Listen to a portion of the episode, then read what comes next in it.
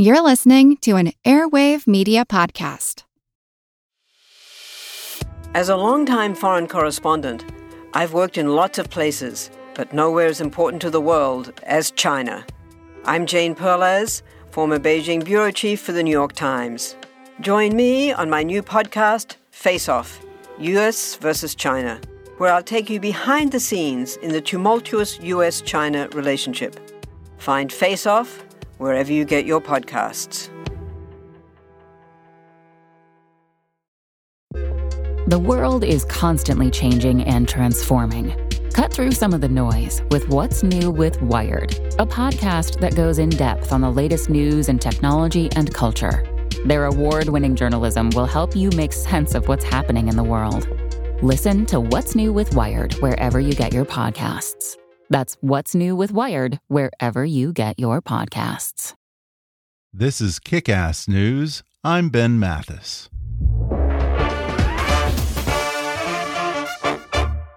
Support for today's show comes from Citizen. Isn't it time you saw the light? Citizen makes watches that are powered by light, any light, and will never need a battery. So stay on time with Citizen's collection of Eco-Drive watches. They're for just about everyone who prefers to be on time. Visit citizenwatch.com slash podcast for more. That's citizenwatch.com slash podcast. In a world streamlined by technology, time really does fly. But what does that mean for its value? The new season of the podcast Outside the Box, presented by Walmart, explores this question exactly, with firsthand accounts from some of the most brilliant minds of today, like organizational psychologist Adam Grant, who spent his career carefully observing how people spend their time in the workplace. Hear about how Adam values his own work time and how he recommends we use ours. Outside the Box, available on Apple Podcasts, Stitcher, and everywhere you like to listen. And now, enjoy the show. Hi, I'm Ben Mathis. Welcome to Kick Ass News. Imagine it's a rainy summer afternoon, and you're standing on the stone bridge that traverses Pennsylvania's Conemaugh River, watching that river quickly expand well beyond its banks. You knew your little steel town was prone to flooding, and you'd seen your share of it, but nothing like this. Then you start to hear a deafening rumble, and suddenly upriver you see what you can only describe as a huge hill rolling over and over. As it rapidly approaches you, you see earth, trees, train cars, the debris of hundreds of buildings, and miles of barbed wire heading straight for you. Before you even have time to think of finding shelter or running for higher ground, in the blink of an eye, you're dead. That was the scene on May 31st, 1889, as the narrow Conemaugh Valley was slammed with a 60 foot wall of water hurtling at 40 miles per hour, with a volumetric flow rate that temporarily equaled the average flow rate of the Mississippi River. It killed an estimated 2,209 people and left the modern day equivalent of nearly half a billion dollars in damage. To this day, the Johnstown flood remains one of the deadliest disasters in U.S. history, exceeded only by the 1900 Galveston hurricane and the 9 11 terrorist attacks. Now, America's most famous weatherman and the co host of The Today Show, Al Roker, tells the story of this living nightmare, those who caused it, and those who survived it in a gripping new book titled Ruthless Tide The Heroes and Villains of the Johnstown Flood America's Astonishing Gilded Age Disaster. Today, Al joins me on the podcast to give some idea of the magnitude and horror of the flood and describe the heroic recovery effort that made American Red Cross founder Clara Barton into a household name. He discusses how a disaster like Johnstown can actually bring people together and, in time, even becomes a badge of honor for whole communities. He talks about the elite country club that compromised the South Fork Dam and caused the flood, all so they could stock their lake for wealthy fishermen. He reveals some of the famous industrialists who belonged to that club and how they escaped justice for the Johnstown flood in a notorious trial that would ultimately lead to important changes in U.S. liability laws. Plus, Al Roker relates the lessons of the 1889 flood to global climate change and America's modern day infrastructure needs. And then, in a lighter note, the self described barbecue aficionado offers a few summer barbecue tips for the grill master in your family. Coming up with Al Roker in just a moment.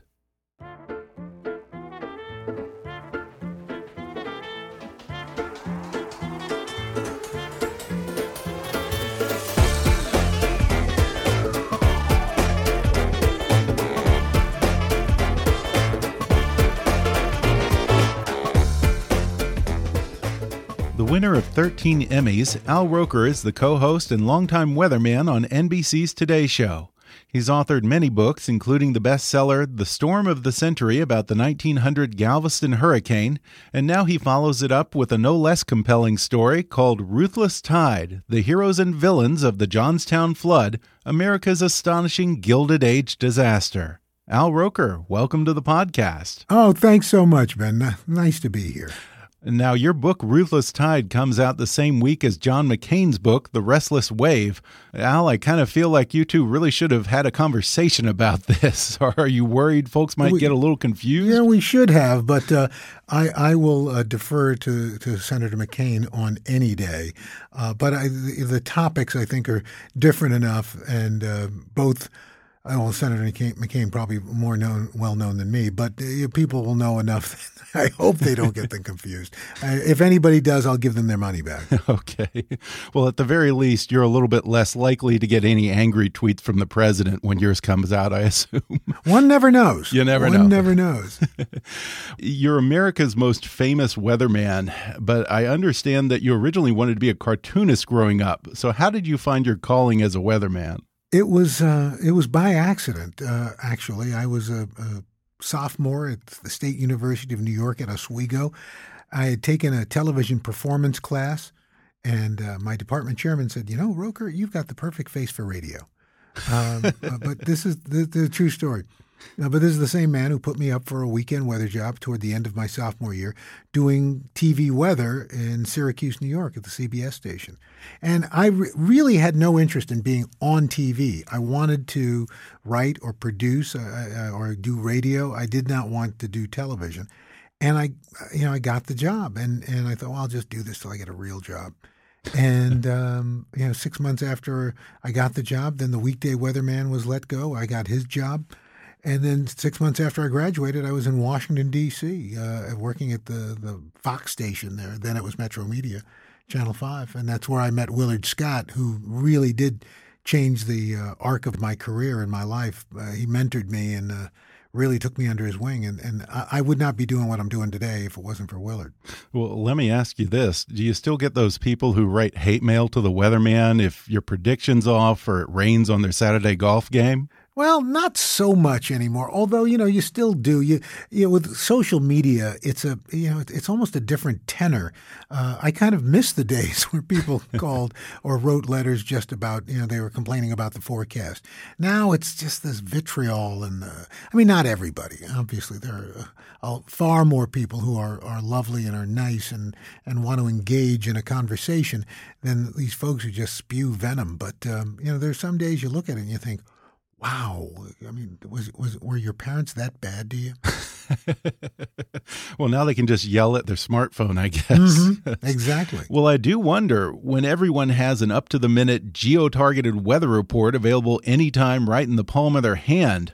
Do you think, Al, that there's still a place for the good old local weatherman, or might he one day go the way of J. Fred Muggs and TV variety shows? You know, you, you bring up an interesting point, Ben, because I, I think while that's all well and good, and I've got a couple on my phone, and my, my kids do, and but those are basically they they are forecasts that are generated by algorithms and formulas, and I think people still come back to uh, folks like your whoever wherever you're listening to this, your local weather person.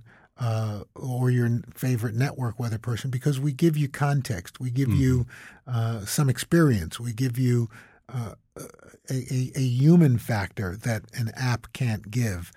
And I, I still think, you know, by and large, we'll, we will all exist in our spaces. But, you know, to, uh, I, I think that we are right now in a place where uh, we, we still can exist because I think people, people need us, not so much for what we give, but how we give it.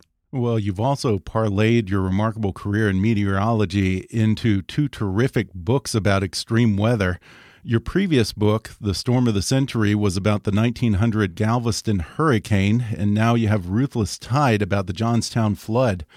And what really puts all this in perspective for me is the fact that for a century, these two weather events, the Johnstown flood and the 1900 hurricane, were the deadliest disasters in U.S. history. It took 100 years, 9 11, 2001, for humans to devise a worse disaster than Mother Nature. Yeah, and and when it comes to, uh, in a sense, a natural disaster, although this had a, a large component of of man-made failure to it, but it was triggered by a natural event.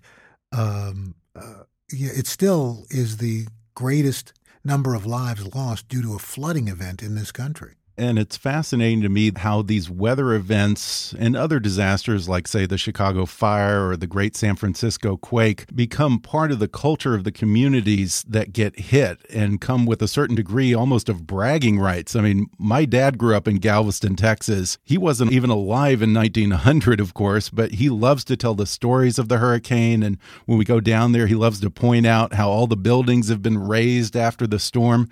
It really becomes a badge of honor for local like him. Why do you think that is? Is it just the triumph over adversity, or what? Yeah, I think because I think you touched on it. it it's it is a uh, a survivor's mentality of uh, of having survived something that nobody else did. Uh, I think it's also part of uh, our our our DNA to be survivors and to to um, tell those stories so that our our children and our children's children don't forget. Um, you know, there was there were so many songs written about the Johnstown flood. There were several movies. There have been a number of books. I mean, David McCullough wrote uh, perhaps the most definitive book out there uh, back back 20 years or 30 years ago. Uh, this we try to make a little different in that we try to tell some of the human stories uh, about the people who survived the flood, uh, folks who were perhaps responsible for the flood, and the aftermath and, and what grew out of it. I mean, the idea that, that a fledgling organization like the Red Cross and Clara Barton uh, basically built their reputation, burnished their reputation uh, on on their response to the the, the Johnstown flood. Uh, it was an amazing Herculean effort that she performed and her staff performed miraculously, and and brought a lot of uh, a lot of comfort to, uh, to, folks who were suffering and uh, and and lost everything. Yeah, the 1889 Johnstown flood really makes for a gripping narrative. When did you first become interested in this story? You know, it was um, I've always yeah, I've always because I you know grew up in, here in the Northeast. Um, people have always talked about it. You know, the Johnstown mm. flood, watch out for the, you know, this is worse than the Johnstown flood. And of course, it wasn't, but that's the bar that you know has been set. And you know, we did the first book, uh, Storm of the Century, and thinking about what's what's the next one. And I work with this terrific uh, author and researcher, a guy named Bill Hoagland, uh, who put all this research together. Um, and in, in he, we had a few topics, and he said, "I don't know, I." Oh boy! I, even though this is back in the 1800s, I, it's still compelling to me. And when we start, when I you know started to lay stuff out, it it was almost like a movie. I, yeah. I just was struck by the cast of characters, except these are real people and these are real lives. And I thought this is a, and and, and I guess because I think part of it resonates today. Um, you know, you had a group of wealthy uh, individuals who wanted a, a, a, club that they could go hunting and fishing. And so, uh, over the objections of others, the warnings of others, the criticism of others, they went ahead anyway and, and built, dammed up a river. Uh, it, it, had been dammed once. They rebuilt that and, and really didn't take the care or the engineering expertise that needed to make sure that that dam uh, could be protected in the case of a, a catastrophic uh, rainfall. And uh, it, it, was, you know, torpedoes be damned uh, to the folks who live downriver and down in the valley. And, you know, I, I think that if we're not careful, we could be seeing a repeat of that in this day and age. Not so much a, a Johnstown flood, but I think environmental disaster is not uh, un, something that, that we can't rule out at this point because we're seeing a relaxation of our environmental laws, our zoning laws. Uh, if you know people are building bigger and bigger homes in places they not necessarily should be. And so uh, I think that, again, while it probably won't be on the scope of a, a Johnstown flood, I think we are uh, on the brink of probably another environmental disaster. Uh, yeah, there's so much of this book that seems applicable to the times that we're living in today um, particularly at a time when the president is talking a lot about fixing what he calls America's crumbling roads and bridges and proposing, in some cases, privatization of those structures. Uh, do you think what happened with the dam and the South Fork Hunting and Fishing Club might be a cautionary tale to keep in mind these days? Well, I, I think, yes, I do think there is. I, I don't look, I, I'm open to ideas as long as we do something. You know, right now, mm uh, our bridges are are, are crumbling. Uh, our our waterworks, our, our our our basic infrastructure is collapsing. You know, uh, many cities, especially in the eastern half of the U.S., the water the water pipes, the literally the lifeblood of a city. Uh, some of the in, some, especially in the older eastern coast cities, the water uh, mains are over hundred years old. Uh, in a lot of them, including New York City, uh, one of our main water tunnels yeah is the only, they think they can't shut it off to inspect it because they think the only thing that's holding it up is the actual water pressure of the tunnel. wow. In fact, New York City, we lose a billion gallons of water a day due to leakage. Wow. And in, and in other cities, uh, it, you know, it's it's proportionate. You know, because these pipes are, are, are are old. They haven't been replaced. People have put it out of sight, literally out of sight, out of mind. And and that's the way the dam uh, at the Conemaugh at the Conemaugh River was. You know, let's you know yeah. it was. We don't need to worry about a valve. We don't need to worry about releasing water. We got a, a cutout at the top. That a spillway. That's enough. No, it wasn't. Unfortunately.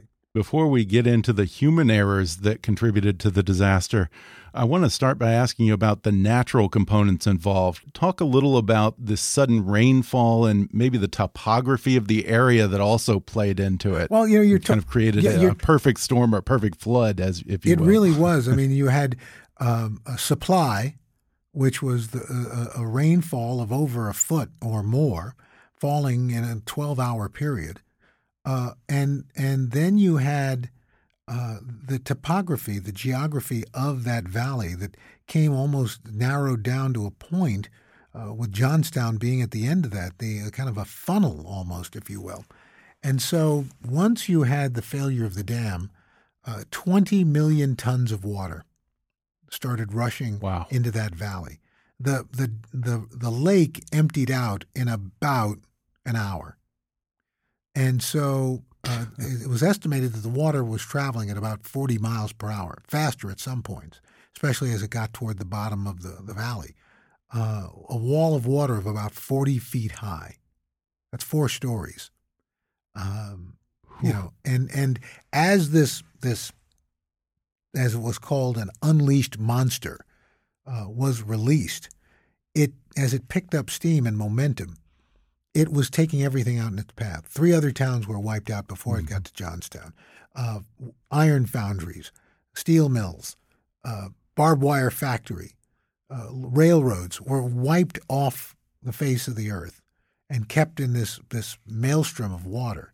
So that in in this water you had uh, molten iron ore, you had locomotives, you had barbed wire, you had the contents of people's homes and businesses all roaring down the valley. People said it sounded like a hundred freight trains. Wow. Oh my God, that's horrible. In fact, I think one of the witnesses said that he couldn't even see the water. He said it looked more like a rolling mountainside. Yeah, because there was so much debris in it. It was taking out trees, it was taking out boulders, it was stripping the landscape completely bare. So uh, this is a. Uh, it's it's really hard to imagine watching something like this. As some folks were able to get out of the way, and and there were tremendous acts of heroism. Um, a number of mm-hmm. telegraph operators uh, sacrificed their lives, staying on their posts, um, even though they knew what was coming. And and the problem was wow. once it was sent down the line, the telegraphs were sent down the line, the messages down the line. You know, it was too late. People couldn't evacuate in time. When as the water started to rise, they thought uh, because there was so much flooding going on, uh, they took it as kind of a playful sort of situation. Let's, uh, you know, oh look, there's water running in the streets. Let's play. And then it kept rising and kept rising, and then word came out that the dam had given way, and then panic ensued. You say that the president of the Hunting and Fishing Club, Elias Unger, tried to send telegrams downstream, but for whatever reason, they I don't know if they fell on deaf ears or they didn't get to the right people. Why wasn't there more of an evacuation? Because there was some notice, right? Well, there was notice, but there was there were conflicting reports. Was this going to be uh, something that that was going to be catastrophic? Was it going to be a small flood? You know, the idea that the, the concept of the dam completely failing was was so foreign to people that I don't think they mm-hmm. they believed it. They thought that it was a partial collapse, it was a problem, uh, but nothing that couldn't be handled. We're going to take a quick break, and then I'll be back with more with Al Roker when we come back in just a minute.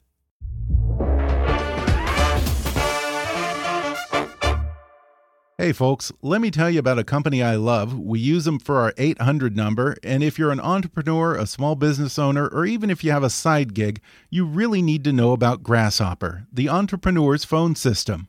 Grasshopper lets you run your business from your cell phone while keeping your business and personal lives separate. Choose from their huge inventory of local, toll free, and vanity toll free numbers. Simply forward your new number to your mobile phone and start taking calls immediately. Whether you're in an office, in your car, or out running errands, Grasshopper's iPhone and Android apps help you stay connected to your customers. Not to mention, you can send and receive calls and texts from your business phone number, set up multiple extensions for everyone on your team, get your voicemails transcribed and emailed to you, work from anywhere with call forwarding to make and receive calls from your computer via the desktop app, and even utilize Wi Fi calling.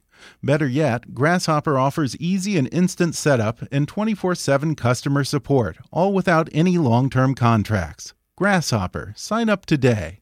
Go to grasshopper.com slash kick to get $20 off your first month. That's grasshopper.com slash kick. And now, back to the podcast. We talked a little bit about the South Fork Hunting and Fishing Club. They were the ones that were in charge of the dam. Um, who were they? There were some pretty big guys yeah. involved in this club, right? Yes, I mean uh, and, Andrew Carnegie was one of them. Uh, Henry Clay Frick. Uh, there were there were multimillionaires. Uh, they were the one percent of their day of the Gilded Age, and after the disaster was over, there were about sixty members of the club fewer than half, a little, I should say, a little more than half donated to some relief fund, but the money that was donated was just laughable. Um, mm-hmm. And and a number of people who lost everything, families, property, their homes, uh, tried suing, and uh, but the the uh, legal recourse was almost impossible to pursue, and so laws were changed after this because of the Johnstown flood. Yeah, eventually it led to some groundbreaking changes in our liability laws, right? Yeah. What changed there? Well, the idea that you know you're responsible for your actions. That you know mm. if mm-hmm. you create something that causes great damage, uh, you're going to have to pay a price. And uh, mm -hmm. you know, and there were other changes in, in that uh, some of the the city fathers decided, you know, in in in this time of need instead of when they rebuilt the streetcar system, instead of people being charged, it was free. Uh, it became uh, a number of people you know saw had a change of heart as far as uh, capitalism as opposed to being a little more progressive. Yeah, all of this happened at the height of the Gilded Age and involved some of the wealthiest tycoons in the country, including, as you mentioned, Henry Frick, who Today, people might know him from the Frick collection in New yes. York, but he, he was not a particularly nice guy. No, right? and a lot of them weren't. And that's why they were philanthropists. Yeah. They used philanthropy to paper over some of their flaws. Now, what were the actual structural changes that the South Fork Club made to the dam that compromised the structural integrity and led to this flood? Well, they, the, one of the main things the, originally to the dam, originally the dam had a release valve uh, so mm-hmm. that you could control the amount of water that was in there and, and systematically lessen pressure on the walls and avoid overtopping, which for an earthen dam can be uh, catastrophic because it slowly wears away the outer shell, if you will, the covering of that dam, uh, exposing the rock and brick and uh, whatever they used uh, underneath. And once that continues, it erodes the integrity of the dam itself. So if they had had uh, a valve and put it back and, and, reinstated it, they could have released water in a controlled uh, in a controlled instance. At the top, they had a spillway, but it was partially blocked by a because they again. Oh, it's not enough that we have a lake. We need fish in there. And so they stocked the lake with uh, thousands of pounds of bass and other type lake fish. But to keep the fish from escaping through the spillway, they blocked the spillway with a, a contraption of chains and, and, and logs. Well, when there was too much water, it was and and there started to be some erosion on the shorelines and and branches and, and larger branches were coming into the spillway that was blocking the spillway. So the amount of water that could come out was lessened even more. Now, when the rain started falling in 1889, did they make an effort to clear those spillways or to shore up the dam no, it wasn't it was happening? It wasn't until literally a couple of hours before they realized the enormity of their problem. Uh, that they try to clear it, but because of the pressure of the water and all the debris that was pushed up against it, they couldn't move the barricade. And as if the flood wasn't bad enough, you have all this debris hurtling at people. In some cases, you have people who drowned because they got caught up in barbed wire that came downstream from the factory there. And and it, and, and environmentally, environmentally, this was a a, a poisonous stew that was left behind uh, once the water mm-hmm. finally mm -hmm. receded, because you had all kinds of chemicals and and and iron ore and all sorts of stuff in the water that then when it received receded, it left this thick muck of of of toxic material behind. This was, I mean, and not to be too grim about this, but not only was there debris, but there were thousands of bodies. You know, hmm. I mean, it was it was perhaps the closest thing you could come to a living hell on earth just in terms of numbers, at the end of the day, how much damage was done? How many people died? How long did the recovery take? Well, they, right now the estimate is about 2,200, but there have been estimates as high as 5,000. Um, uh, in today's dollars, it would be about $17 billion in damage. Uh, and, and the reconstruction uh, moved fairly quickly. It took a few years, uh, but these businesses came back uh, the homes came back, but it, it really the the the topography of the valley was changed forever. Uh, topsoil washed away, uh, and a lot of vegetation still hasn't come back. Yeah, I assume that you've probably, in your research, visited these areas the South Fork Hunting and Fishing Club, the old factory in Johnstown. What do these areas look like today? You know, today you probably wouldn't even know what had happened. Um, it is um, it's an interesting uh, juxtaposition in that here you had these gentlemen who wanted uh, the good outdoor life at all costs, which mm. they mm-hmm. unfortunately the people of that valley paid the cost. Uh, and today, you know, there's a move afoot to get out into nature, but to try to leave uh, less of a footprint. Mm-hmm. And and to work with nature as opposed to work against it. And and that makes a big difference, I think. Another curious incident during the flood was there was this stone bridge crossing the river at Johnstown, and in the middle of this, the bridge catches fire. I, I want to say something like 80 or so people died just from the fire.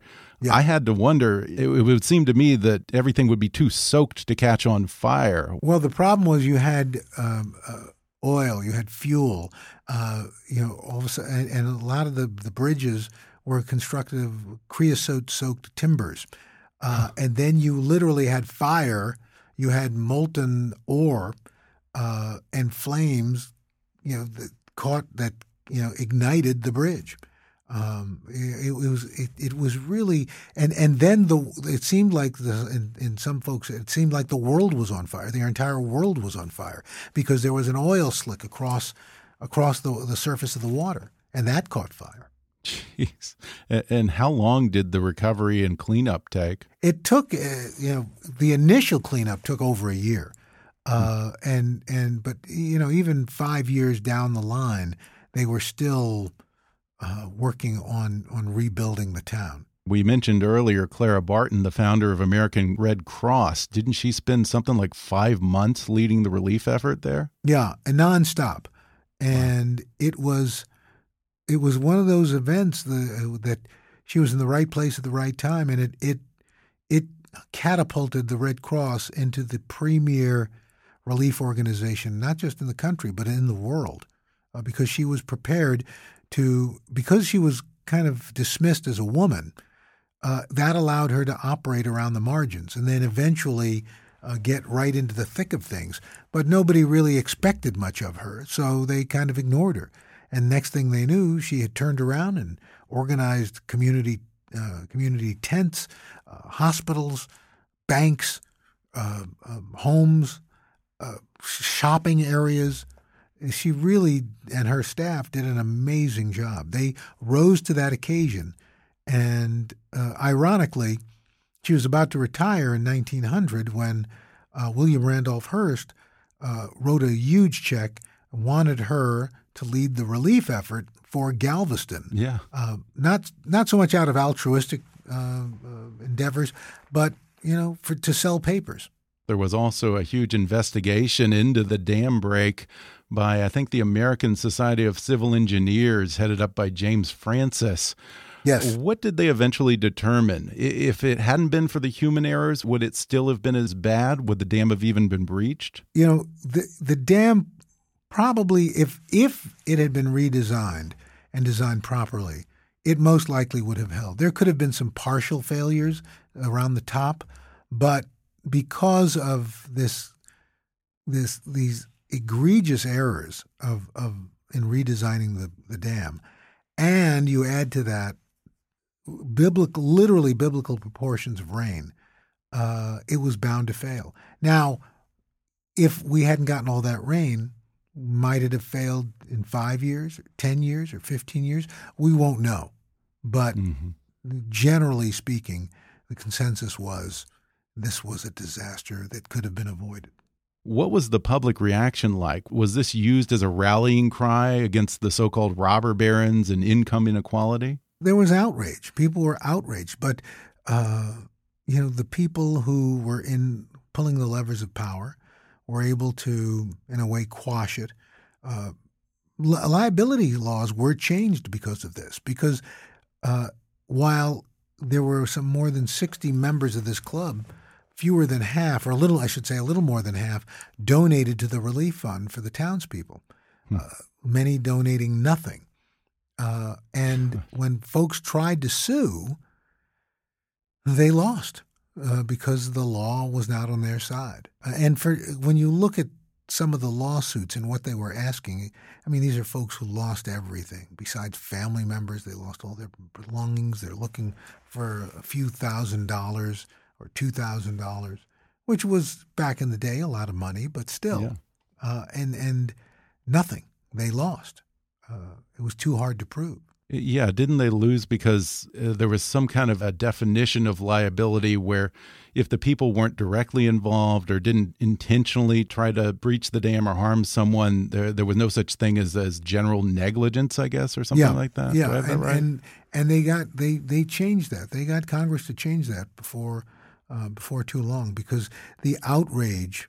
I mean, this was really uh, a, natural disaster or a disaster that happened just as newspapers rose to the position of influence because of the power of photography and the power of the word and the ability to disseminate their papers on a much wider scale. Uh, it was really the first time the country came together and experienced uh, a natural disaster. Look, the Civil War had just ended uh, not too far before that, but this was a different story. Yeah, and it's an amazing story at that, albeit a little bit of a depressing one. yes. Uh, before we go, how about we wrap up on a slightly happier note then? It's barbecue season, and Al, I know that you have quite the reputation as a grill master. as a Texan, I'm a little hesitant to solicit barbecue advice from a New Yorker, but what the hell? How about giving us a few of your best barbecue tips? well, uh, and again, I preface this by saying, in this country, we tend to confuse the terms barbecue and grilling. Yes. Barbecue is in, in as you, I'm, I'm, not telling you anything you don't know, uh, uh, Ben. That that barbecue is uh, is actually indirect heat. It's low. It's slow. Mm-hmm. Grilling is a direct heat. It's much quicker. But the words have uh, kind of become uh, interchanged. That said, uh, I, I I love nothing more simple than a great uh, I, I, usually make my hamburgers out of brisket. Ooh, wow, that's and good. It is. Uh, it, it's just. It's a simple pleasure. You know, mm, Hamburgers out of brisket. I don't think in. I've ever had that. Does it taste different yes, than a barbecue beef sandwich? It's it's it's a little it's a little the flavor is a little more intense. Ask your butcher to grind you up uh, a half and half mix of chuck and that brisket. Wow. You will you will thank me for it. You're going to kiss me full on the lips. That's amazing. I, I, think my best tip is don't drink and barbecue. Ah. And I have the burns to prove it too. you know, my other tip would be don't resist, just resist taking your spatula and pressing down on your hamburger. Mm -hmm. uh, it, yeah. it dries good, out the meat because it, it presses, literally presses the juices out of the meat. Don't do that. Okay. Well, once more, the book is called Ruthless Tide The Heroes and Villains of the Johnstown Flood, America's Astonishing Gilded Age Disaster. And you can catch Al Roker weekday mornings on NBC's Today Show. Al, thanks for talking with me. It was fun. Uh, thanks, Ben. I enjoyed it. Thanks again to Al Roker for coming on the podcast. Order his book, Ruthless Tide, on Amazon or Audible. Catch Al weekdays on NBC's Today Show, check out his website at alroker.com, and follow him on Twitter at, at. I also want to remind you to check out adiamor.com slash kick for a huge selection of diamonds and jewelry. When I recently decided to pop the question, I shopped around, but no one beat adiamor.com for the best price and the very best quality. All of Adiamor's diamonds are GIA certified, and their rings come with a lifetime guarantee against material defects. Plus, Adiamor gives you 30 days to evaluate the deal and make sure that you're 100% happy with your purchase. That's because the folks at Adiamor know that once you find a jeweler you can trust, you've got a jeweler for life and you'll keep coming back year after year. So do yourself a favor. If you're shopping for an engagement ring or a gift, even if you think you're going to go somewhere else, before you make that big decision, you owe it to yourself to click on adiamor.com slash kick, look at their selection and compare. That's adiamor.com slash kick. A-D-I-A-M-O-R dot com slash kick. If you haven't already, be sure to subscribe to Kickass News on iTunes and leave us a review. You can follow us on Facebook or on Twitter at, at KickassNewsPod. And as always, I welcome your comments, questions, and ideas at comments at kickassnews.com. I'm Ben Mathis, and thanks for listening to Kickass News.